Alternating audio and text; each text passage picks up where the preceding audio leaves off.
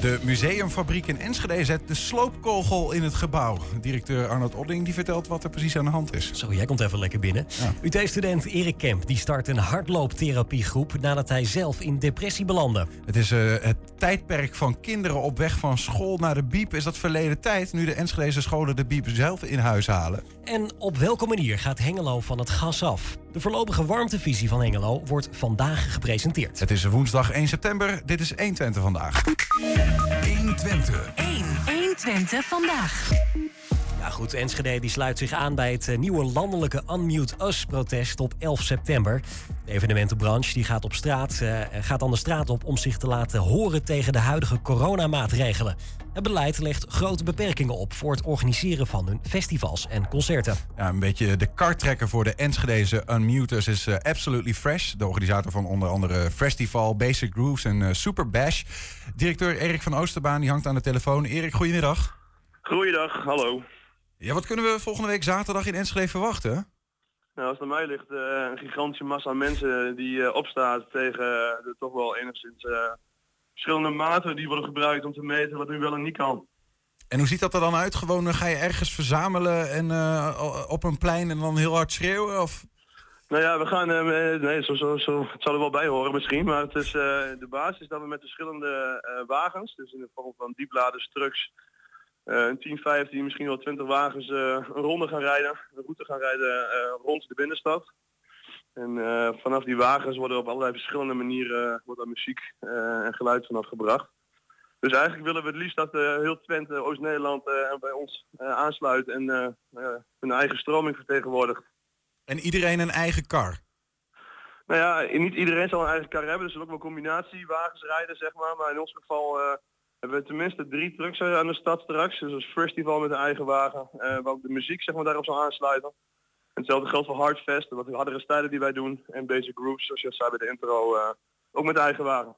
Is het, is het zo dat, eh, dat eigenlijk heel, heel festivalminnend Twente eh, meedoet al in die optocht? Of zijn er nog partijen waarvan je zegt, nou, ik hoop dat die ook nog aansluiten? Nou, we hebben op dit moment, eh, sinds gisteren, sinds, sinds we hebben aangekondigd, eh, worden we eigenlijk overspoeld met eh, allerlei verschillende mails en, en, en telefoontjes over zowel bezoekers die het helemaal tof vinden die mee gaan lopen, als wel organisaties uit de buurt. Mhm. Dus nee, er is zeker nog wel plek. Dus iedereen die dit hoort en zich geroepen voelt, alsjeblieft neem contact op met ons. Ehm, maar het zijn er inmiddels al wel, eh, wel meer. Dus wij zijn er drie en we hebben nog een stuk of 10, 15 andere aanvragen. Dus eh, nee, het loopt wel heel goed door nu. Even, je zegt ook, neem contact op met ons. We noemden jullie ook al een beetje de karttrekker. Ehm, hoe is dat zo gegroeid? Want in principe is Unmute een, een landelijke eh, ja, protestactie. Wat is jullie rol precies? Nou, eigenlijk zijn wij ehm, samen met alle partijen. Dus wij zijn, je moet zo zien dat wij hebben natuurlijk in het verleden, ook met een groep met INT, hebben wij die rechtszaak destijds gevoerd tegen de staat. Die is Ja. uiteindelijk is niet doorgegaan. Eh, maar eh, eh, zo zijn we eigenlijk al, al sinds lange tijd bezig om te kijken van ja, hoe kan het nou zo zijn dat we allemaal stilstaan, dat we niks kunnen doen. En van daaruit zeg maar, is er vanuit de groep uit Amsterdam is er een landelijke protestactie bedacht. Nou, die is de vorige keer heeft die plaatsgevonden, ik geloof op 13 augustus uit mijn hoofd. en ehm, eh, wij hebben op dit moment gezegd van het is te stil in Enschede en we willen ook ons, laten horen. Dus wij, wij zijn echt een beetje in die zin meer de, een beetje de katalysator hier zeg maar, om het vooruit te brengen. Maar het draait absoluut niet om ons. Het draait uiteindelijk gewoon om het protest. Daar zijn we dus gewoon onderdeel Nou, van. het is het is wel een interessant ding aan de hand, Erik. Want je noemde al even de vorige keer. Ik heb eh, 21 augustus, maar het zal er ergens, eh, misschien ligt de waarheid in het midden. Ik weet niet, maar dat maakt er niet zo Nee. heel veel uit. De vorige keer gingen er, in, in ieder geval in de Randstad, in Amsterdam, gingen er zo'n 70.000 demonstranten de straat op. In Enschede Ja. was, het, was het ja, een beetje een slap aftreksel daarvan. Hè? Er stonden, eh, geloof ik, wat mensen op het stationsplein. Ehm, hoe kan het nou dat het de vorige keer dat mensen niet op de bres stonden? Had dat ook te maken met jullie of jullie afwezigheid misschien wel? Het, het zal te maken hebben op een bepaalde manier met, eh, met bereik. Dus wij hebben natuurlijk een eh, grote achterban. eh, grote concepten. Vorige keer, ik heb, je hebt trouwens gelijk, 13 augustus was de aankondiging. En 21 augustus was toen de uitvoering, dus de actie zelf. Nou, bij deze, voor de volledigheid. We zijn eruit. En op dat moment waren wij zelf met ons kantoor afwezig op vakantie. Dus we hebben toen, los van het beginstuk, hebben, hadden wij toen niet de capaciteit om bij te springen. Ehm, maar nu, hebben we, nu gaan we er dubbel in het was in. Dus nu maken we dat eh handje vol mensen. En zoals het ergens stond, maken we gewoon goed. Dat gaat niet weer gebeuren, Ja, kan ik je ja. beloven. Maar denk je ook dat het, dat het helpt als jullie als mensen denken van oh, Absolutely Fresh doe mee, eh, hupsakee. Dat je, dat je nu ook echt, ja, hoeveel mensen hoop je, verwacht je op de been te krijgen die eh, volgende week zaterdag? Ik, ik vind het heel moeilijk omdat het natuurlijk eh, op dit moment lopen de aanmeldingen zo hard binnen, zeg maar. We hebben de eerste duizend eh, aanmeldingen waren binnen een paar uur in agenda. Mhm. Het zou me niet verbazen dat we ergens, ik noem even een wilde gok, dat we ergens tussen de 5 en 10.000 man op de been krijgen. Zo. Zo. En die, en die gaan dan allemaal in parade door Enschede. Stapvoets, schuifelend door onze prachtige stad, zeg Ja. maar met een grote doel eh, eh, eh, gaan we daar een, een route mee afleggen, ja. Ja, en even over dat doel. Of misschien eerst over de, de weg daar naartoe. Wat is eigenlijk de. Ja, wat is eigenlijk die boodschap? Want je hebt er wel iets over genoemd. maar Over de inhoud hebben we nog nauwelijks gehad in dit gesprek. Ja, nee, de, de, de inhoud is eh, ehm, dat er heel veel onderzoeken zijn geweest waarin uit waarin is uit gebleken dat festivals in de buitenlucht, met nadruk, dat die eh, gewoon kunnen plaatsvinden. Eh, we zijn inmiddels zijn we zoveel verder dat we eh, op bijna 80% vaccinatiegraad zitten. Dat je ziet dat de voetbalstadions vol zijn gestroomd. dat de Formule 1 aanstaande zondag eh 70.000 man herbergt of plaats geeft. En dat wij dan vinden dat het heel gek is dat dat allemaal wel kan. En dat wij niet worden gehoord. En dat zelfs vragen die wij stellen vanuit de branche dat die niet worden beantwoord door Den Haag. Hm. Dus blijkbaar moeten we harder schreeuwen om toch aandacht te krijgen. Daar lijkt het op. Ja, ik zit even voor mezelf ook te bedenken. Hè, van als je, eh, eh, eh, zou je een reden kunnen verzinnen? Hè? Wat is nou het verschil? Zo'n zo'n voetbalstadion, daar zijn stoeltjes. Is, dat, is dat een verschil? Wat is het, het juridische verschil op dit moment? Wat voor een wet is er zeg maar, waar jullie aan moeten houden, bij wijze van? Nou, concreet zeg maar is op dit moment dat stadions geplaceerd zijn inderdaad. Dus dat is inderdaad een reden. Je kan je natuurlijk uitlaten over de, de houdbaarheid hè, van zingen, schreeuwen. De mate waarin die stoelen ook echt gebruikt worden, ja? Ja, Ja. ja. juist. Eh, maar de regel is dus dat zeg maar met, eh, bij testgebruik of bij vaccinatie dat je twee derde van de capaciteit mag gebruiken. En met de afstand en zonder vaccinatie een derde. Mhm. Ehm, wij vinden dat festivals in de buitenlucht, als je ook ziet wat het buitenland nu al, al wekenlang, eh bijna misschien wel anderhalve maand, wat er allemaal plaatsvindt, dat het aanvullend zeg maar met die eh Field Lab evenementen, dat het prima moet kunnen. Maar ja, dat is inderdaad wel de stelregel op dit moment, dat het niet geplaceerd is. Maar als de werkelijkheid nou volgens jullie eigenlijk uitwijst, het, het kan gewoon. En ook de Field Lab evenementen. De, Ja. de, eh, eh, er was al een keer eerder zo'n unmute protest, hè? 21 augustus, Ja. we noemden het. Ja. Ja. Ja, hoe, hoe bestaat het dan dat het nu nog een keer nodig is? Want dat is de grote hamvraag. Dat is ook precies wat wij ons afvragen. Hoe kan het nou zo zijn? Eh, allereerst, waarom geef je niet als, als, als, als overheid, nou een reactie op hetgene wat er allemaal wat zich afspeelt? Eh, ik, ik begreep vanuit de landelijke organisatie dat dit, dat dit keer ook een veelvoud aan, eh, aan steden mee gaat doen met, het, met, de, met de protestmars. Dus het kan zomaar zijn dat het geen 70.000 wordt, maar, eh, maar 200.000. ja, de rode lap is op, is op, op de stier gelegd, om het zo maar te zeggen. Nou ja, we zijn wel wakker nu en we hebben het heel lang geprobeerd om het netjes te doen op basis van, van feiten. Daar gaan we nu wel mee door, maar we willen ook gewoon nu wel gehoord worden en zeggen van het kan niet zo zijn dat we nu nog maandenlang, zal het eigenlijk zomer, zomerseizoen alweer voorbij zijn, dat we gewoon nog steeds stil worden gehouden, zeg maar, wat dat betreft. Nou ja, bijna voorbij. Is het niet gewoon al... Ja, want dat vroegen wij ons wel een beetje af. Is het niet bijna, ja, bijna te laat? Wat, wat willen jullie nou eigenlijk eh, nog, zeg maar? Nou, het, is een, het, festivalseizoen in Nederland is niet enkel alleen maar de zomer. Het is wel natuurlijk de, de hoofdmoot.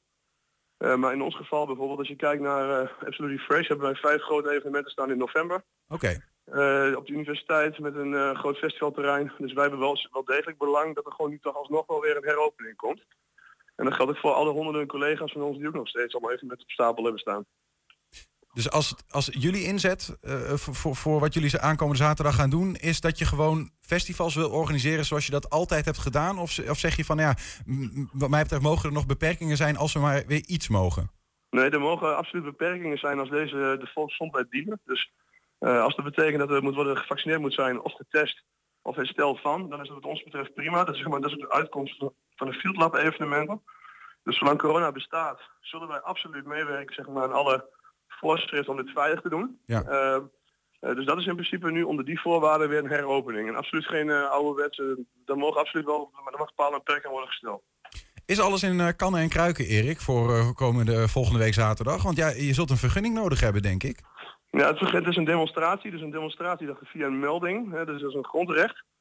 Ehm, dat wil niet zeggen dat er wel heel veel bij komt kijken in de vorm van veiligheid, eh, ook logistiek, et cetera. Dus we zijn nog zeker niet klaar. Mhm.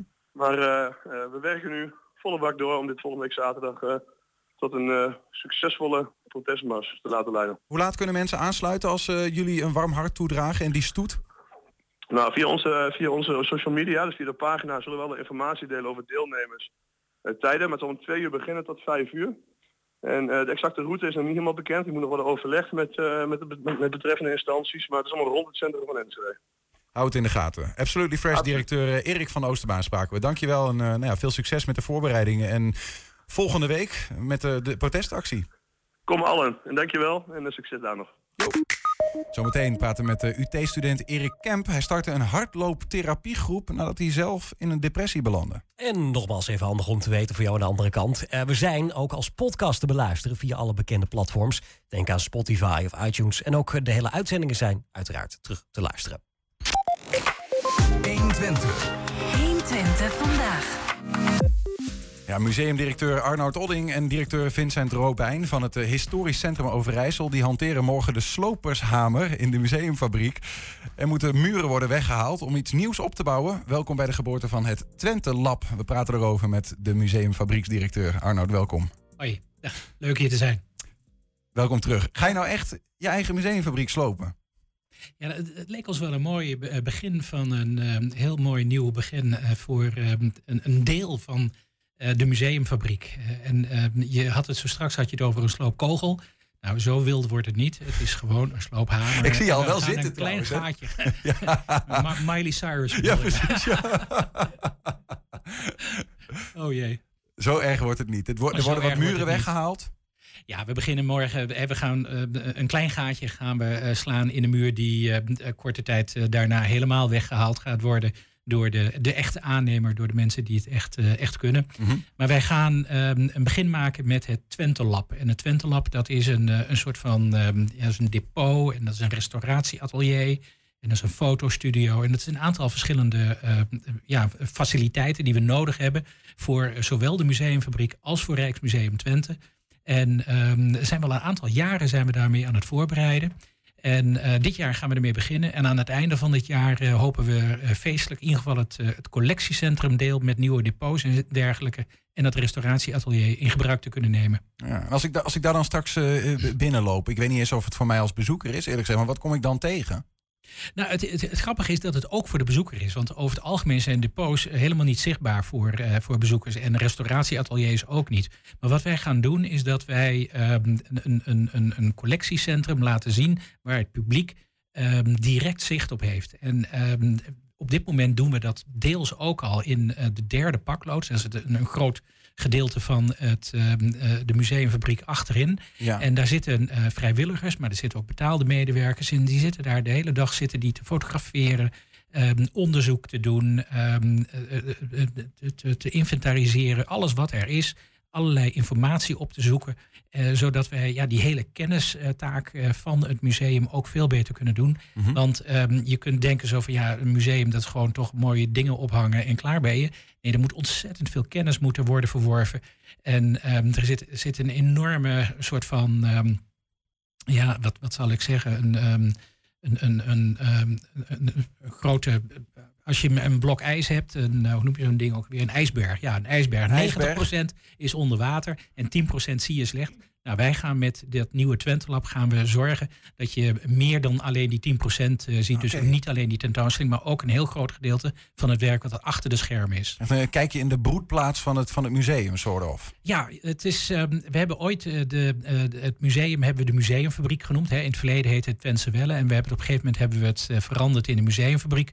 En dat hebben we gedaan om te laten zien dat het heel sterk gaat over maken en meemaken en meedoen. En uh, dat het er niet alleen om gaat om naar uh, dingen te gaan, uh, te gaan kijken. En aan de ene kant is dat dus dat mensen mee kunnen doen met die collectie. Er zijn heel veel vrijwilligers die dat doen. En ook heel veel mensen die nog zich ja, bijna dagelijks aanmelden om daar met ons mee te gaan doen. Maar, maar betekent dat even concreet gezegd, want je hebt het ook over uh, restauratieateliers, dat ik bijvoorbeeld uh, aan, aan, een schilderij zit te restaureren als leek? Of is dat een beetje nou, gek? Dat, dat laatste is misschien net even iets uh, te ver, maar we, hebben wel degelijk hebben we, heel veel vrijwilligers die zich bezighouden met, met, met, met, met kleinschalig onderhoud. Dat echte restaureren van schilderijen, dat is zodanig gespecialiseerd. Ja, daar mm -hmm. moet je echt een grote opleiding ja. moet je daarvoor doen.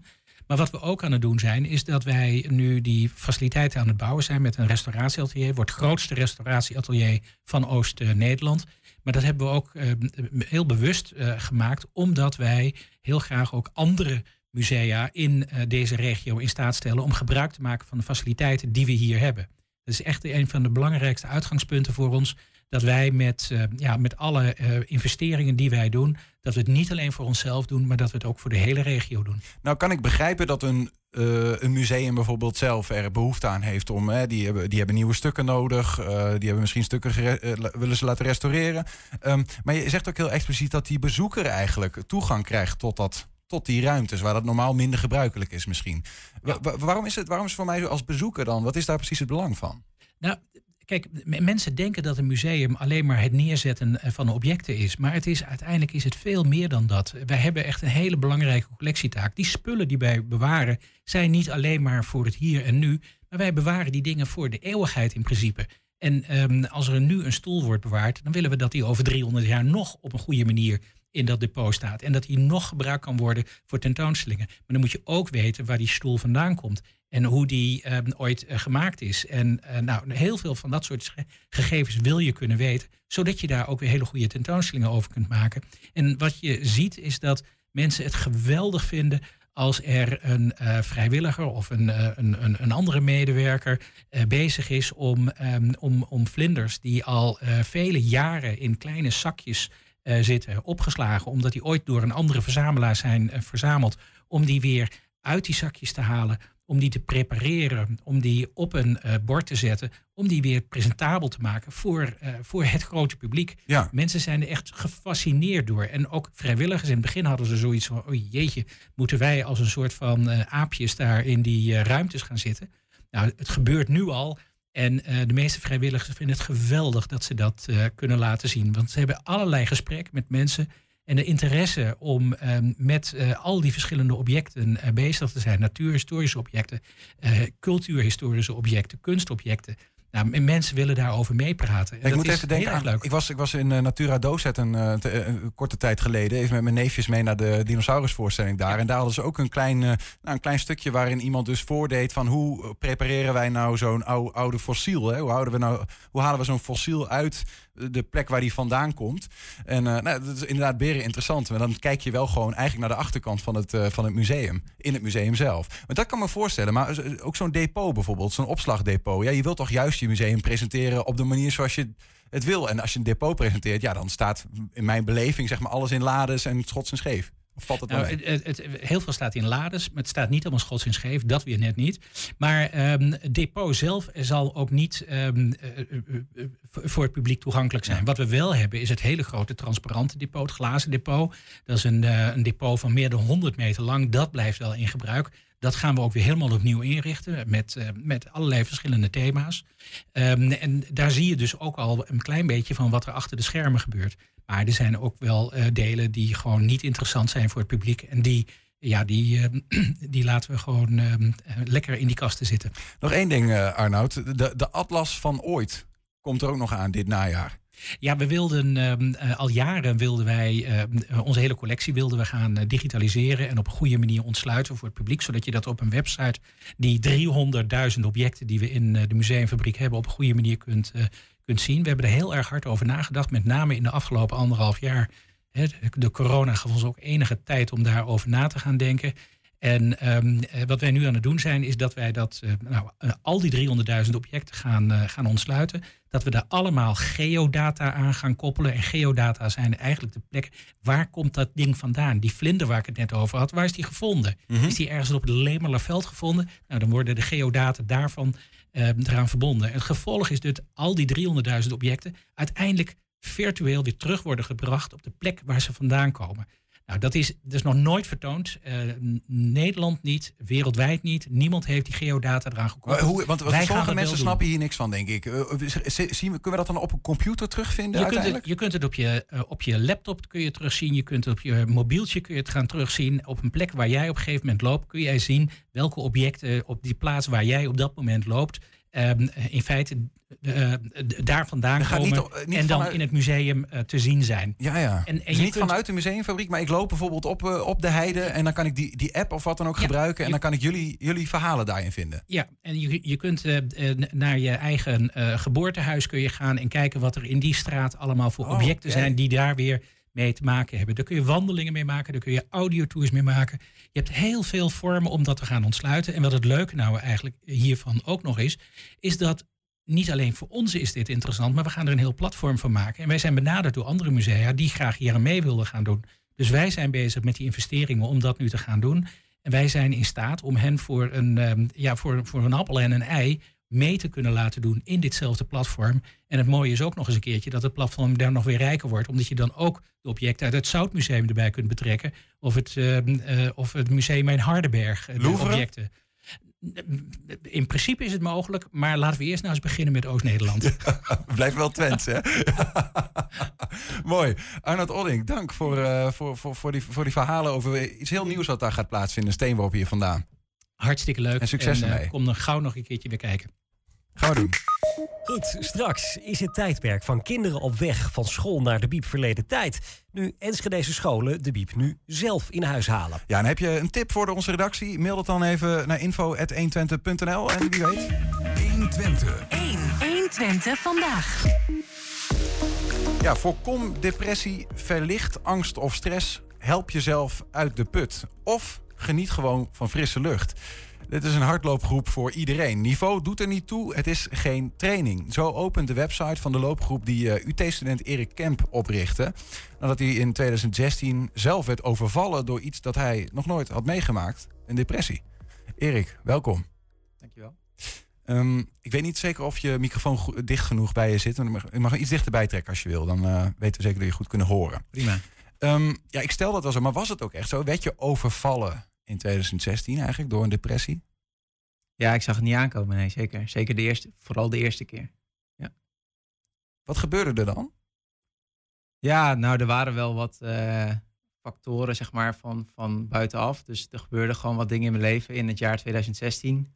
En ja, uiteindelijk die depressie, ja, wat, wat het precies is, is lastig te omschrijven. Maar het was wel een soort van langzaam proces waar zowel ik als de mensen om me heen niet echt van bewust waren dat het aan het gebeuren was. Met uiteindelijk dat je op een gegeven moment in een dal komt waarvan je wel denkt van oei, hoe ben ik hier beland? Maar het is niet dat je van de een op de andere dag dat je hele wereld er anders uitzag. Het is een sluimerend proces geweest. om Ja, dat is inderdaad een sluimerend proces geweest. Ja.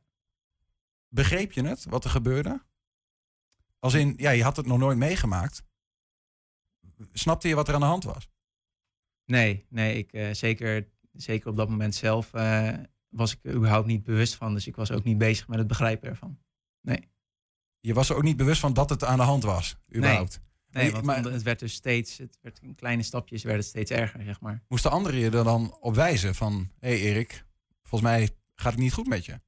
Eh, dat had gekund, maar het was ook wel lastig, omdat het dus heel langzaam ging. En nou, daar komen we misschien zo nog op, maar ik woonde dus in een studentenhuis. Ehm, en dan, omdat het langzaam gaat, heb ik ook wel van huisgenoten gehoord. Die hadden achteraf ook zoiets van, ja, je zou misschien wel kunnen merken dat er in stapjes dingen anders zijn. Dat je misschien meer luistert tijdens het eten in plaats van zelf praat en dat soort dingen. Maar die eerste keer ook was het voor mijn huisgenoten ook gewoon iets onbekends. Die het ook niet door hadden, zeg maar. Ja, ik vroeg me af, als je dan zoiets meemaakt, is dat dan... eh, is dat dan ook eng, omdat je het niet begrijpt? Maar eigenlijk, ja, dat was het dan misschien ook niet. Want je zat erin, terwijl je niet eens wist... ja, je dacht gewoon van, ja, dit is wat het is. Je stond er niet bij stil. Ja, op een bepaalde manier was het wel eng, omdat zodra je realiseert van ehm, het gaat slecht, eh, weet je niet of je er ooit nog uitkomt. En dat, nou, ik ben wel zo iemand die dan na een tijdje daar zelf over gaat lezen en dan, ja, bij de een kom je er wel uit en de ander komt er niet uit, zeg maar. Dus dat op een gegeven moment, als je dan wel, zodra je wel bewust bent en je zit er nog in, dan is de angst wel van, kom je hier ooit nog uit? Hoe raakte je bewust dan, van je eigen situatie? Ehm, nou, op een gegeven moment, eh, ja, hoe, hoe erger het wordt. Na, na een tijdje ging ik niet meer mee eten in mijn studentenhuis en ging ik, kwam ik überhaupt niet meer mijn huis uit. En ja, als je na een tijdje, zeg maar, s'nachts even de woonkamer insneakt om wat te gaan eten. En eh, je, nou, na een tijdje ga je nog minder doen, nog minder eten, nog minder. Gewoon eigenlijk de hele dag op bed liggen, niks doen. En na een tijdje, ja, stopte ik überhaupt met eten en drinken. Ja, dat hou ik niet heel lang vol. Dus dan is er ja, vrij logisch dat op een gegeven moment dan je hoofd wel zegt van hé, hey, je moet even eh, kijken naar wat er precies aan het gebeuren is, want dit eh, hou ik niet heel lang vol, zeg maar. En dan? Want dan op een gegeven moment realiseer je dat. Van, er, er is iets, dit, dit klopt niet. Misschien zeggen anderen dat ook wel. Van, hé Erik, waarom ben je niet meer bij het eten? Of eh, gaat het wel? Ja, nou dat, dat contact kon ik wel redelijk goed afhouden. Daar deed ik wel veel moeite voor om dat zeg maar allemaal een beetje weg te houden. Ehm, ja, inderdaad. Na een tijdje was het, nou ja, je, ehm, je voelt je, of tenminste, ik voelde me toen eigenlijk heel erg slecht. Ehm, en na een tijdje gaat dat slecht voelen ook een beetje over op eigenlijk niks voelen. Gewoon dat het niet eens negatief is, maar gewoon, ja, een beetje, dat stel ik me altijd zo voor als je een zombie bent, dat je gewoon geen positieve, maar ook geen negatieve gevoelens hebt. Dat je eigenlijk gewoon, ja, niet zoveel zin ervaart van überhaupt leven, doorleven of niet doorleven, zeg maar. En ja, als je dat gevoel hebt, dan kan het een beetje twee kanten op, op gaan, zeg maar. Gelukkig is het bij mij dan de goede kant op gaan, doordat ik toen iemand kon bellen waar ik hulp van heb gekregen. Ja. De, we zijn op dit punt dat je, dat je eigenlijk een beetje zinspeelt op de eventuele suïcidale gedachten die mensen kunnen krijgen op zulke momenten. Dan moet ik ook even benoemen dat als mensen daar uh, met die gevoelens zitten, dat ze altijd 113 kunnen, kunnen bellen. En dan kun je praten over je gevoelens. En dan zijn er mensen die voor je klaarstaan. Dat is bij deze dan ook, uh, ook gezegd. Ja. Um, eh, maar dat, dat, dat is heftig. Uh, heb je op zo'n moment, want je zei ook al van ja, op een gegeven moment ging je wel lezen of ging je proberen, wat je wil begrijpen, denk ik op een gegeven moment, wat is er aan de hand? Maar heb je op zo'n zo'n moment daar eigenlijk nog wel, überhaupt nog wel motivatie voor? Nee, ik denk dat dat lezen is pas daarna gekomen, zeg maar. Op het moment dat ik er weer een beetje uitkroop, dat je dan gaat, toch, je wilt toch begrijpen wat er een beetje is gebeurd, je gaat een beetje reflecteren. Dat was meer de tijd waarin ik over ging lezen. Ja. Student zijn en depressief zijn? Want je hebt een paar keer heb je gezinspeeld op, ja, je woont als student in, in, een, in een groep. Dat die, ja, die zijn niet je directe familieleden. Um, misschien voelt dat op een gegeven moment wel zo. Ik, ik ben zelf nooit in een studentenhuis gewoond. Maar ja, is er iets um, wat het depressief zijn anders maakt omdat je een student bent? Misschien kun je dat moeilijk ja, zelf peilen, omdat je natuurlijk nooit uh, niet student bent geweest en depressief, om het zo maar te zeggen. Maar ja.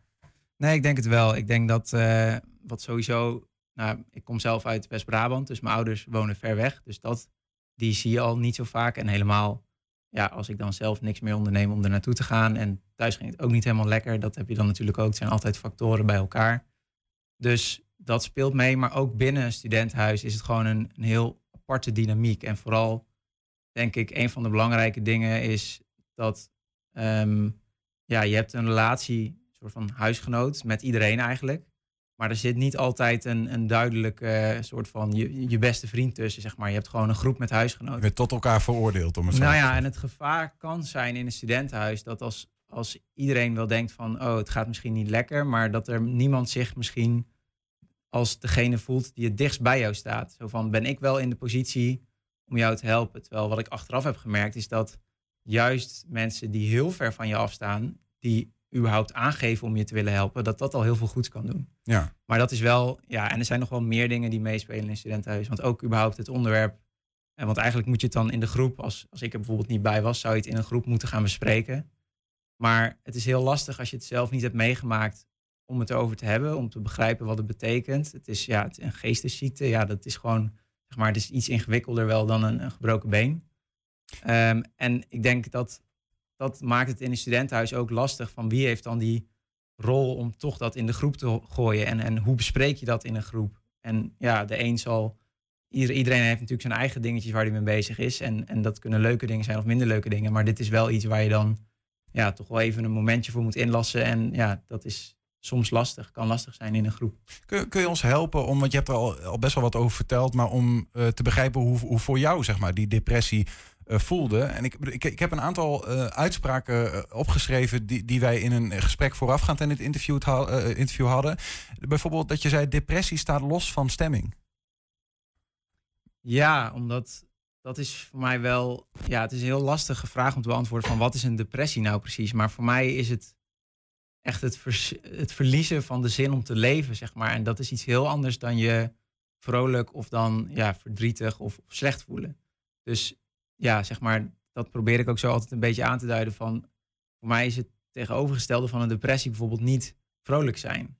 Um, het tegenovergestelde van een depressie is gewoon dat je, voor mij in ieder geval, dat ik s ochtends uit bed kom en denk, oké, ik heb weer zin vandaag om iets te doen. Ik heb überhaupt, ik neem initiatief om mijn eigen leven, om er wat van te maken, zeg maar. Mhm. En een beetje, ja, dus vitaliteit in één woord eigenlijk gewoon dat je... Dat je gewoon zin hebt in de dingen. Ja. Maar dan denk ik dat er best wel wat mensen zijn die nu luisteren die denken, ja, ben ik misschien ook wel een beetje depressief. Want ik bedoel, sommige mensen, ik denk dat er best wel wat mensen zijn die moeite hebben soms om zin te vinden voor de dingen. Maar ja, die zichzelf uit bed moeten pompen.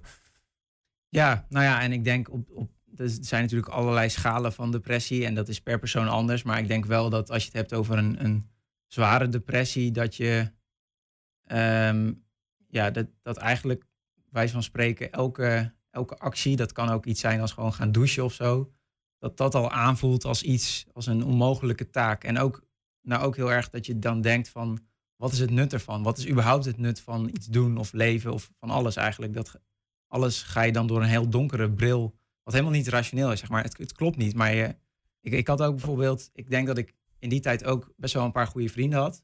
Maar in mijn depressie maak ik mezelf wijs dat, nee, andere mensen hebben echte vrienden. Die vrienden van mij, ja, weet je, dat, dat zijn eigenlijk geen vriendschappen. En, en dus je gaat jezelf allemaal van die rare dingen wijsmaken van nee, maar die andere studenten, die kunnen wel echt, die zijn goed in hun vakgebied, zeg maar. En ik, ja, ik, ik kan eigenlijk niks van of ik doe maar wat. En zo eigenlijk voor alle aspecten van je leven ga je gewoon door, door een hele donkere bril, ga je alles uh, ja, heel negatief bekijken. Terwijl ja, dat gewoon echt niet rationeel is, zeg maar. Als we, als we een beetje door de tijd springen, um, uiteindelijk eh, overkwam je die eerste depressie, uh, maar dat gebeurde daarna vaker. Uh, is het dan niet zo dat je op een gegeven moment, ja, in die, bij wijze van die tweede of die derde keer dat het weer overkomt, dat je denkt, ja, dit is gewoon mijn hoofd. Um, dat klopt niet, zit tussen mijn oren en ik moet dat negeren of zo? Of, of kun je dat op dat moment niet bedenken? Of hoe zit dat?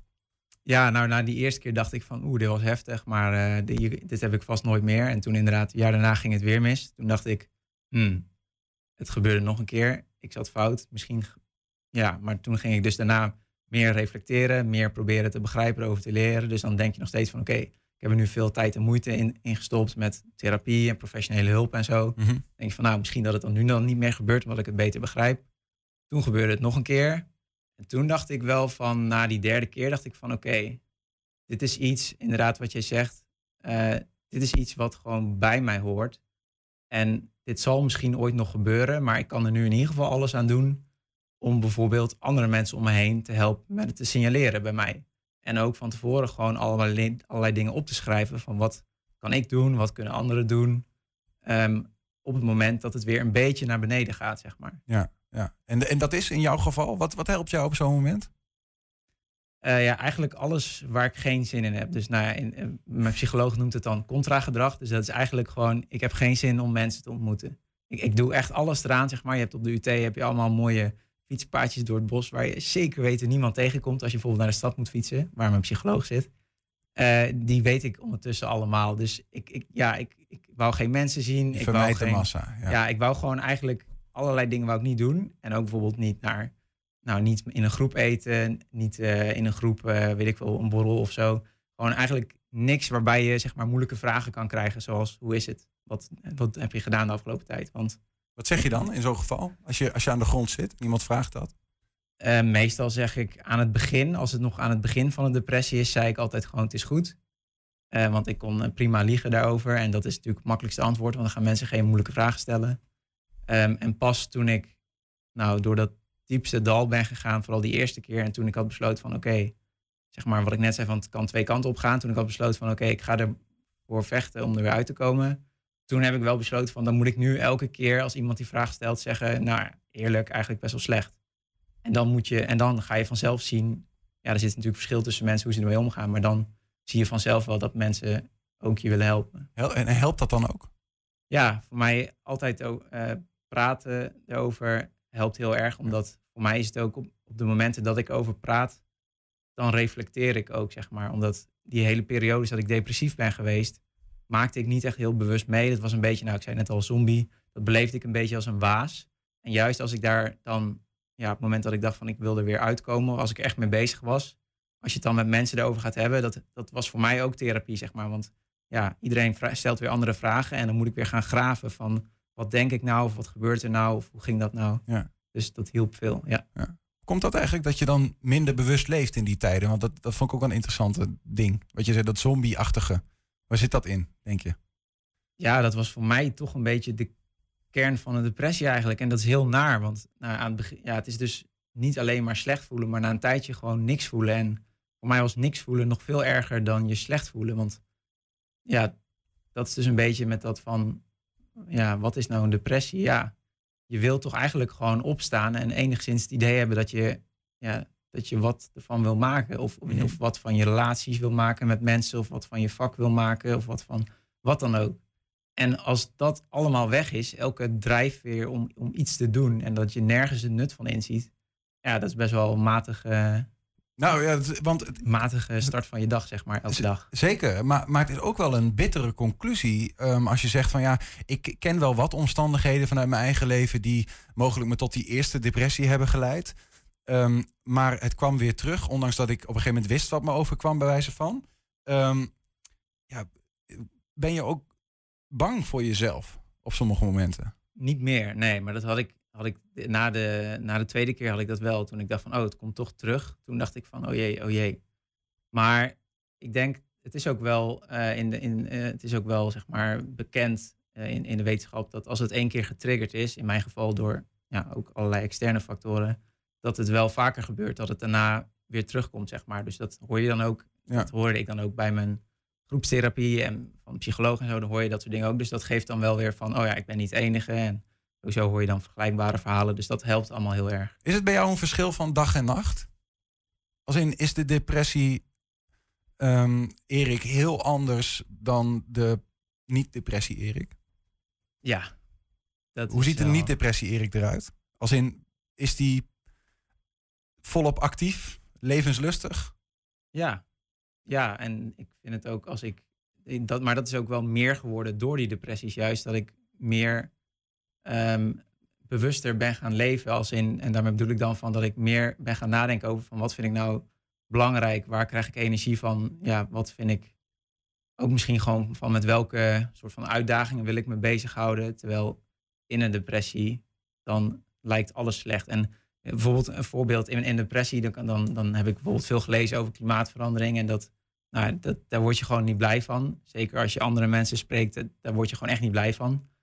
Maar dan, en dat is dus een, dat is een groot probleem, dat is een wereldwijd probleem. En in een depressie denk je gewoon van ja, eh, gewoon alles gaat naar de kloten en ik kan er toch niks aan doen en het is allemaal slecht. Terwijl als ik me goed voel en nou, als ik dus bewust kies van daar wil ik een rol in spelen, kun je kijken van hoe kan ik op lokaal niveau, klein niveau, toch daarin zinvolle stappen zetten, toch daarin iets betekenen. En ik denk wel dat Ja. dat idee van de, de grote dingen waarvan je denkt van ja, dat, dat vind ik nou echt belangrijk, belangrijk. Dat heb ik wel daaraan overgehouden. Dat, dat ik wel een, een drijfveer heb om die dan, ja, dan maar op klein niveau, het niveau waarop je invloed kunt uitoefenen, zeg maar. Dat je daar in ieder geval stappen in zet. Hoe helpt de hardloopgroep jou, die je hebt opgericht naar aanleiding van deze hele episode in je leven? Eh, nou, het helpt mij in ieder geval met ritme. Want ja, ik weet gewoon twee keer per week kunnen er mensen daar staan en verwachten dat ik er ook ben. Ehm, en soms zijn er eh, een paar mensen, soms is er niemand. Soms zijn we, ik denk het meestal tussen de twee en zeven of zo.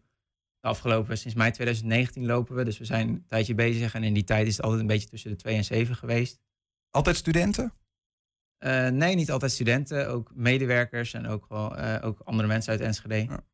En sommigen zijn ook weer weggegaan en dit. Maar het, ja, het helpt mij dus in ieder geval met ritme. En toch ook wel voldoening, omdat je gewoon merkt van je doet iets voor anderen. Dat, nou, dat, dat is ook bekend natuurlijk, van iets voor andere mensen doen. Dat Ritme, iets voor anderen doen. Dat, Ja. dat zijn al twee factoren die, die heel erg meespelen. Ja, en daarnaast de fysieke beweging. Dat is ook gewoon, denk ik, eh, heel belangrijk. Want, en zeker in die depressies lag ik dan altijd op bed. Dus je hele dag-nachtritme is, is ja, weg, zeg maar. Ja. En je beweegt niet meer. Nou ja, het is ook, het is ook gewoon bekend als je niet genoeg sport. Daadwerkelijk, niet zeg maar, mee. intensieve fysieke inspanning. Als je dat Ja. niet doet, dat is gewoon echt slecht voor je. Dus daarin helpt het mij ook. Wat ik me wel afvroeg, want het is op de maandag en de woensdag, maar echt best wel vroeg. Eh, voor student misschien al helemaal, dat weet ik niet. Maar, om Ja. een uur, eh, zeg maar rond een uur of acht. Ja. Ja, eh, volgens mij als je niet goed in je vel zit, ehm, dan heb je toch moeite om 's ochtends jezelf uit de veren te trekken. Dat is toch wat je altijd hoort. En dat kan me heel goed voorstellen. Ja, is dat dan wel het juiste tijdstip? Ja, nou ja, voor mij was dat juist altijd een ding. Als ik in die depressie zat, dan was er geen begin van een dag. En als je al 's ochtends gaat hardlopen, dan is het veel makkelijker om als je dan thuis komt te zeggen: Oké, wat ga ik nu doen? Terwijl in die depressieve periodes was er bij mij nooit 's ochtends, en dan wordt het na een tijdje gewoon middag, nooit een moment waarop je dan dat er een gedachte in je hoofd komt van oké, en nu ga ik iets doen. Ja. Dus ik denk juist dat het goed is om dat aan het begin van de dag te doen. En dan ja, even hopen dat je niet daarna weer in je bed duikt. Maar dat je dus als je thuis komt denkt van oké, ik heb nu al iets gedaan. Wat ga ik nu doen? Dus het is wel, ja, ik heb wel bewust gekozen voor die ochtend. Om, om, en ook bijvoorbeeld voor mensen voor wie hun ritme helemaal omgegooid is. Want dat hoor je ook wel eens. Mhm. Ja, als je dan s ochtends gaat hardlopen, eh één of twee keer per week, dan helpt dat toch weer iets. Met dat je s ochtends een beetje zonlicht krijgt, dan word je een beetje wakker. Is daarin het, het studentending, student en depressief ook een, een eigen, eigenheid? Want eh, ja, het studentenleven is natuurlijk best wel, ja, eh, dat, ik heb dat altijd zelf al gevonden toen ik op, de, op, school zat. Dat, ik- dacht van ja, er zit niet echt een goed ritme in vaak, zeg maar. Dat helpt ook niet mee. Eh, Nee, dat klopt. Nou, toevallig, eh Tosca Andreoli heeft hier een mooi boek over geschreven. Dat heet De mooiste tijd van je leven. Dat heb ik afgelopen zomer gelezen. En dat beschrijft ja, in veel meer in detail van wat zijn nou al die aspecten van het studentenleven, wat het toch wel anders maakt dan van andere mensen, zeg maar. Dus omgaan met ja, mentale problemen, zullen we maar zeggen. De mooiste tijd van je leven. Dus die, als we Met een daar... vraagteken erachter. Hè? Oh ja, ja, ja. Ja. dat vind ik een hele mooie. Ja. Ja. dus als we daar iets meer over zouden willen weten, dan zouden we dat eens kunnen raadplegen. Ja, en ik heb natuurlijk mijn eigen ervaring. En ik heb, nou dat, ja, dat ben ik net nog vergeten. Maar wat helpt me aan die groep is denk ik ook dat je al die ervaringen van anderen hoort. Ja, want wat doe je dan eigenlijk? Je gaat niet alleen maar met elkaar lopen. Nou ja, praten en luisteren. En vooral Gewoon- het luisteren vind ik heel waardevol. Want dan, ja, als iemand bereid is een verhaal te vertellen, dan kun je allereerst al een luisterend oor bieden. Maar je kan ook een beetje ervaringen uitwisselen. En dan, dat helpt denk ik heel erg om te begrijpen en om ook door te hebben van ik ben niet de enige. Ben je ook langzaam een psycholoog geworden, eigenlijk door je soort van running therapy? eh, nou, groep? niet professioneel natuurlijk. Dus dat zeg ik ook altijd tegen iedereen. Van ga ook gewoon naar, eh, zoek ook professionele hulp. Want dat kan ik je niet bieden, zeg maar. En een professioneel, een, een professioneel iemand, die eh, is er ook, ja, die heeft er wat meer zekerheid, zeg maar. Dus kijk, als ik bijvoorbeeld een keer gewoon, eh, weet ik veel, niet wakker word. Of als ik een keer weg ben, kan nog wel eens gebeuren dat ik er ook gewoon niet ben. Ehm, en ja, bij een psycholoog kun je ervan uitgaan dat als het heel slecht gaat, dat ze dan kunnen escaleren, dat ze iets anders kunnen gaan doen of andere mensen inschakelen of weet ik veel wat. Ja. Dus ja, het is, dat zeg ik wel altijd van het is geen vervanging. Maar nou ja, je zegt ben je psycholoog geworden? Ik ben het wel begonnen omdat ik, ik had zelf groepstherapie en toen dacht ik dat is best wel waardevol. Maar dat lijkt me fijner om te hebben in de vorm van een hardloopgroep in plaats van eh, ja, in het gebouw zeg maar, van, de, van de psycholoog dan. Ja, zo heb je dat zelf ook ervaren. Met een soort van gelijkgestemden. Ja, ik denk het wel. Maar ik vond die, ik vond die groepstherapie ook al wel heel erg nuttig. Eh, ja, in die tijd kon ik dat niet zo dan, want toen zat ik in een depressie, dus toen dacht ik dat niet. Dan maar kijk je door die andere bril. Ja, ja, toen zat ik daar gewoon de hele tijd van, eh, wat doe ik hier? Ja. Niks, is nuttig. Nou ja, wat ik net ook al zei. Ja. Maar achteraf merkte ik toch van, hé, ik heb daar wel dingen opgepikt van die andere mensen zeiden. En toch een beetje tips en gewoon, ja, toch ervaringen. Dus ik zou niet zeggen dat ik psycholoog ben geworden, maar ik denk wel, ja, ervaringsdeskundige. En dat kan zeker in de beginfase heel waardevol zijn. En dat is ook aan het begin, om nog even terug te gaan naar die allereerste keer. Toen had ik altijd zoiets van, ja, andere mensen begrijpen gewoon niet hoe ik me voel. Ik begrijp het zelf ook niet. En na een tijdje keek ik eens een keer een video op, op internet van een man die dan in vier minuten of zo depressie omschreef. Andrew Solomon was dat. Eh, en die, dat was de eerste keer ook dat ik dacht van, hé, hey, deze man omschrijft precies hoe ik me voel. Dat is best wel fijn dan om dat te horen, want dat is dan ineens dat je, dat je zo denkt van, wow, ja, Herkenning. dat is het dus. ja. Ja. Ja, om jezelf dat, te dat begrijpen. Kun je denk ik bij zo'n hardloopgroep of groepstherapie kun je dat daar denk ik ook heel veel aan hebben. Tot slot, Erik. Zit er iets positiefs in een depressie? Om, op het moment dat je erin zit, of na de hand, op de manier waarop je misschien anders naar de wereld of naar jezelf kijkt? Ja, nee, op het moment dat je erin zit niet. Zit er helemaal niks positiefs in. Tenminste, naar mijn idee niet. Eh, behalve dan misschien dat het een reactie van je lichaam is op dat je bijvoorbeeld veel te veel hebt gedaan of gewoon niet je prioriteit in je leven goed hebt. Dus nou ja, het, het- heeft ook een deel gewoon een functie. Maar ja, achteraf zit er voor mij heel veel positiefs in. Want je gaat gewoon ook door gesprekken met psycholoog, maar ook gewoon voor jezelf ga je reflecteren over van wat ik net al zei, wat vind je belangrijk en wat wil je van je leven maken. En dat is denk ik heel waardevol. Alleen ja, de manier waarop ik dan die lessen, ik heb altijd zoiets van ik heb een heel waardevolle les Maar uitgehaald. liever niet op deze manier. Nee, die manier waarop gun ik niemand. Maar, ja, maar die lessen wel. Want ja, daardoor heb ik nu veel meer voor mijn gevoel dat ik focus op de dingen. ehm, dat ik mijn tijd besteed aan dingen die ik echt de moeite waard vind. En waar ik ook voldoening uit haal en energie van krijg. Runningtherapy.org, hè? Dat is hem. Ja, Dus als je eh, je herkent of je wil gewoon eens meelopen, dan kan dat denk ik, hè? ja, ja zeker. Iedereen kan meelopen. Ga even een kijkje nemen en dan zie je hoe je je bij Erik eh, kunt melden. Ehm, Erik, dankjewel voor een heel openhartig eh, gesprek. Ik hoop dat het eh, jou heeft geholpen. Het heeft mij geholpen in ieder geval om jou beter te begrijpen en de mensen. En ik hoop dat het voor de luisteraar hetzelfde was. Dankjewel. Ja, bedankt voor de uitnodiging. Erik Kemp. Met een paar minuutjes hoor je Hengeloos energiewethouder Claudio Brugink. Hij vertelde vandaag hoe zijn stad van het gas afgaat. 120. 120 vandaag. Ja, de leesvaardigheid, maar vooral ook het leesplezier van jonge kinderen in Enschede moet omhoog. Daarom slaan de bibliotheek, de drie schoolbesturen en de gemeente de handen ineen. 25 basisscholen in Enschede doen mee aan het project Biep op school. Aan de lijn hebben we Marit Kruiskamp, ze is van Stichting Katholiek Onderwijs Enschede. Marit, goedemiddag. Goedemiddag. Het klinkt alsof er nieuwe filialen worden opgericht in schoolgebouwen van de Biep. Is dat zo? Mm, indirect is het misschien een beetje zo. Het zijn kleine, eh, kleine filialen, maar het is eh, zoveel meer dan enkel eh, filialen, want er is ook een stuk begeleiding bij, een stuk professionalisering, gesprekken met de kinderen, gesprekken met leerkrachten over goh, hoe kunnen we nou dat leesplezier van die kinderen bevorderen en de leesmotivatie versterken. Maar hoe ziet het er dan heel praktisch uit? Want wat ik bedoel, ik, ik herinner me die, die groepen kinderen, eh, hele hordes die van hun school naar de biep gingen om daar een boekje te lenen van Paul van Loon en die eh, spanning mede terug naar de school te nemen. Zien we dat niet meer straks? Eh, nee, je zult waarschijnlijk niet meer veel kinderen zien die eh, overdag met hun eh, leerkrachten naar de biep heen en weer gaan. Maar de bibliotheken zijn echt op een professionele manier komen die in de school met mooie kasten voor de boeken, een uitleensysteem. Het is nog wel gekoppeld aan de bibliotheek, dus de pasjes die ze gebruiken voor de bibliotheek op school, daarmee kunnen ze bijvoorbeeld in de vakanties of in de weekenden ook nog gewoon naar de bibliotheek. Maar eigenlijk zijn de boeken dus nog veel dichterbij, meer toegankelijk. En eh, het kost ook veel minder tijd. Dus effectief eh, kun je meer tijd besteden echt aan het lezen en het leesonderwijs. En zijn we niet meer een half uur kwijt met het heen en weer lopen naar de bibliotheek. Maar je kunt niet in elke basis van die 25 basisscholen een hele biep herbergen, toch? Dat moet dan een soort van afspiegeling zijn. Hoe gaat dat in, in zijn werk dan praktisch?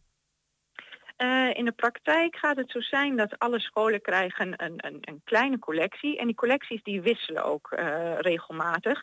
Dus eh, scholen hebben wisselende collecties, dus kunnen ook van elkaars collecties gebruik maken. Dat zal allemaal de bibliotheek op school gaat dat organiseren en verder ook organiseren. Mhm. En ehm, eh, ja, met elkaar, er komen dus gewoon wel meer boeken. Er komen sowieso drie boeken per leerling de school in. Er wordt gekeken van, goh, wat zijn de interesses van leerlingen? Eh, eh, welke leerlingen zitten hier op school? Welke boeken zijn dan passend? En de boeken zullen ook heel divers zijn. Dus het zullen informatieve boeken zijn, Ja. zoekboeken, maar ook heerlijke leesboeken. De leerlingen gaan er niet op achteruit in hun keuzeaanbod. Nee, zeker niet. Zeker niet. Nee, nee dat zal eh, denk ik alleen maar toenemen. Scholen hebben natuurlijk wel veel eh, boeken op school. Eh, alleen scholen hebben niet de middelen om dat elke drie maanden te vernieuwen en de meest actuele boeken de school in te halen. Of om op een bepaald thema boeken te kopen. En daar gaat nou ja, de- deze, deze samenwerking nu eigenlijk in, in helpen, begrijp ik. Ja, deze samenwerking gaat daar zeker in helpen. En naast de bibliotheek op school zijn er ook nog een aantal scholen die daarnaast eh, andere expertise hebben ingekocht. Die eh, aan de slag gaan met experts als Bianca Lammers, Kieke Olster of Frederike Kramer. eh, die vervolgens ook nog als team van leerkrachten gaan kijken, goh, hoe kunnen wij met behulp van de bibliotheek op school en deze boeken kinderen meer aan het lezen krijgen. Wat zijn handige tips en trucs voor onszelf? Eh, is ons leesonderwijs nog passend bij wat de kinderen Heb je daar eventueel hebben? al antwoorden op, Marit? Want dat is natuurlijk, hè, we, we zagen Arjen Lubach allemaal nog eh, op ons netvlies waarschijnlijk. Die zei van ja, we zijn het beste in lezen in Nederland, bewijs van, maar we vinden het minst leuk. Daar gaat iets mis. Ja, ik heb daar ook nog geen antwoord op. We weten natuurlijk wel allerhande eh, middelen die werken. Als er ook thuis wordt voorgelezen, als er op school wordt voorgelezen. Zojuist hoorde ik in de bibliotheek dat het ook niet eens altijd bekend is bij mensen dat je altijd op het spannendste stukje gaat stoppen met lezen. Want dat eh, maakt dat kinderen denken, ik wil weten hoe dit afloopt. Misschien kan ik zelf dit boek gaan lezen. Eh, ja, Is het nou zo dat ik zelf bijvoorbeeld, gewoon ik, eh, als nou, niet meer basisschoolgaand persoon, ook eh, straks een basisschool in kan lopen en met mijn pasje een boek kan lenen? Nee, dat gaat niet het geval zijn. De eh, eh, collecties worden echt afgestemd op die 4 tot 12-jarigen. En eh, daarnaast zijn er wel, al, onderneemt de bibliotheek zelf nog allerhande zaken om ook voor jongeren een leesoffensief te starten. Ook voor hele jonge kinderen met boekstart. Uh, maar daar ben ik onvoldoende van op de hoogte om je daarover bij te kunnen Ja, want er moet wel gevochten worden tegen de, de Netflixen van deze wereld hè? En, de, en de videospelletjes en zo. Ja, ja, dat moet zeker. Ja, en daarom is ook dat plezier op één. We zeggen dus helemaal niet aan de voorkant al, we willen het leesniveau weer omhoog. Maar als er weer plezier komt in lezen en je wordt weer gemotiveerd om te lezen, dan maakt dat dus waarschijnlijk uh, vervolgens dat kinderen ook weer een, een, een, wat hoger leesniveau krijgen, daardoor meer begrip krijgen met het lezen. En uh, ja, dan heb je ook zin om een keer een boek te pakken in plaats van een Netflix-serie te kijken. En er gaat de komende tijd allemaal uh, volop in geïnvesteerd worden met dit project Biep op school. Ja, zeker. Zeker. Nou, we ja, gaan, we gaan veel het, in geïnvesteerd worden. we gaan het volgen. Dank voor de uitleg. Marit Kruiskamp van Stichting Katholiek Onderwijs Enschede. Graag gedaan. Ja, heb je een tip voor onze redactie? Leuk. Uh, geef het vooral even open. We staan gewoon open voor verzoekjes. Uh, dat kan naar info.120.nl 120. 1. 120 vandaag. Op welke manier gaat Hengelo van het gas af? Met die vraag gaat het college van BNW naar de Hengeloers toe de komende maanden. Het gemeentebestuur heeft gisteren een voorlopige versie van het transitievisie warmte vastgesteld, maar heeft nog niet alles in beton gegoten. Ze willen namelijk eerst met inwoners in gesprek gaan. Aan de telefoon is uh, verantwoordelijk wethouder Claudio Brugging. Goedemiddag. Goedemiddag. Ja, op welke manier gaat Hengelo van het gas af? Nou, dat willen we ook samen met onze inwoners gaan uh, bepalen. We hebben natuurlijk wel wat uh, ideeën die we ook uh, op schrift hebben gesteld, zodat we in ieder geval een basis hebben. wat we in ieder geval belangrijk vinden is um, dat wij um, nou ja, dat we ook mensen stimuleren om zoveel mogelijk te isoleren. Hè? Want kijk, van het gas af met je huis betekent dat je een alternatieve warmtebron moet hebben. Maar als je huis goed geïsoleerd is, uh, ja, dan is daar minder energie van nodig. Dus dat blijft gewoon altijd een goed, uh, goed idee. Mm-hmm. We zullen ook op zoek moeten blijven gaan naar duurzame manieren om die energie op te wekken. Maar dus ook hoe je die huizen van het aardgas af kunt krijgen. En uh, ja, daarvoor willen we het gesprek aangaan over de vraag ook van ja, welke techniek is nou het beste geschikt om dat, om dat te doen. In welke volgorde moeten we dat dan doen? Hè? Welke wijk moet eerst en welke uh, kan wat later. Uh, uiteindelijk moeten we in 2050 allemaal uh, een andere oplossing hebben voor, voor aardgas. Maar zijn dat dan ook vragen die je bijvoorbeeld bij inwoners wil neerleggen? Want ik kan me ook voorstellen dat de gemiddelde inwoner denkt... ja, meneer Brugging, ik heb geen idee eigenlijk. Um, ik zit nou, er niet zo in ja. die techniek.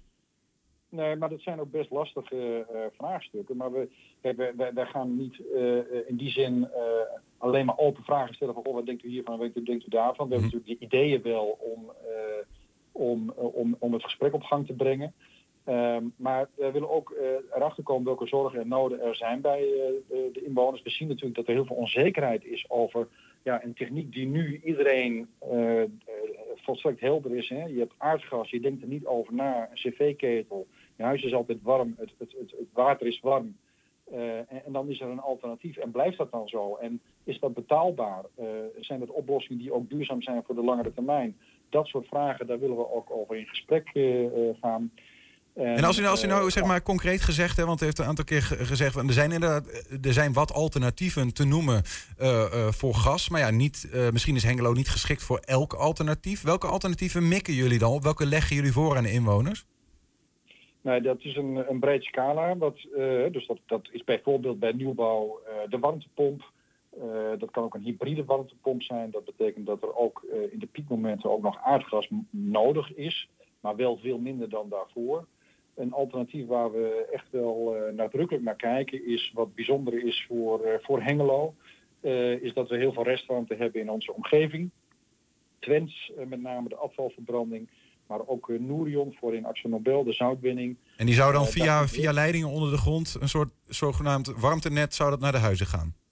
Ja, dan hebben we het over een warmtenet. En uh, ja, wij zien gewoon dat daar uh, heel veel energie nu verloren gaat. Even het beeld, bij Twents uh, wordt er zoveel verbrand dat dat ongeveer gelijk staat aan 100.000 woningen van het aardgas afhalen.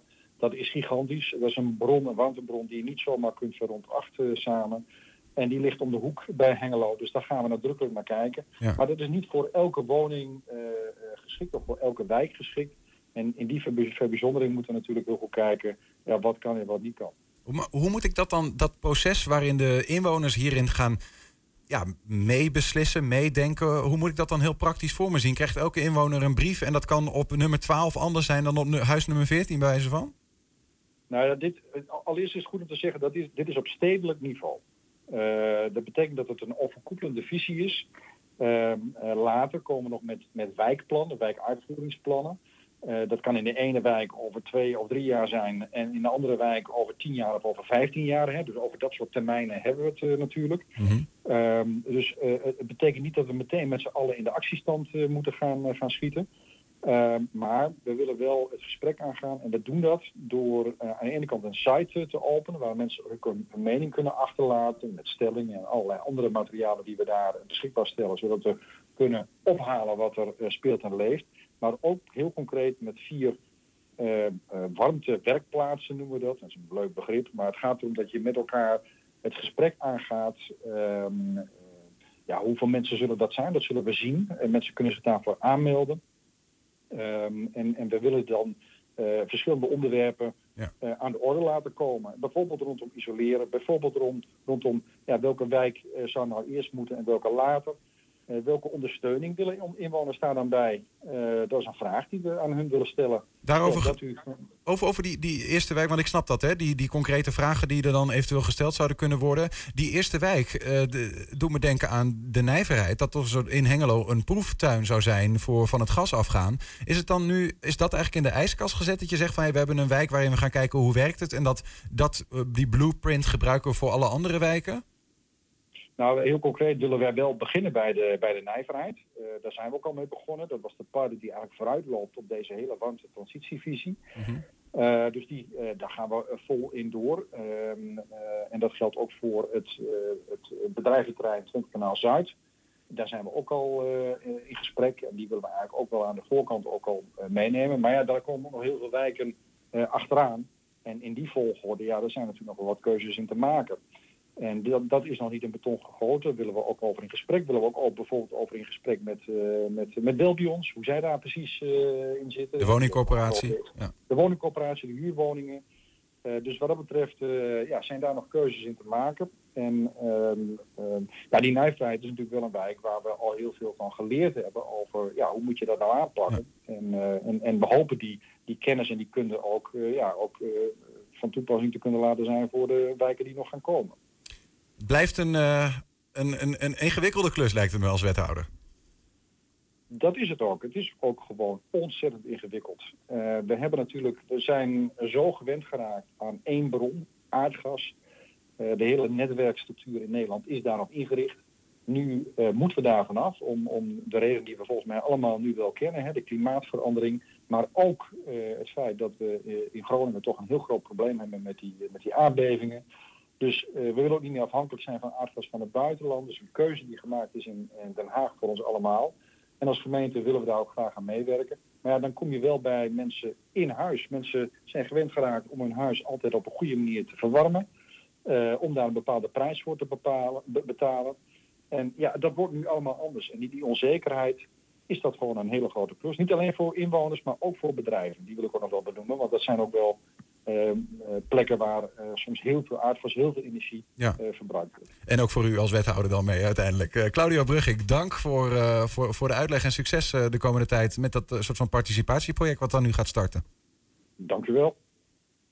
Goed, tot zover 120 vandaag van deze woensdagmiddag. Morgen dan zijn we er gewoon weer terug.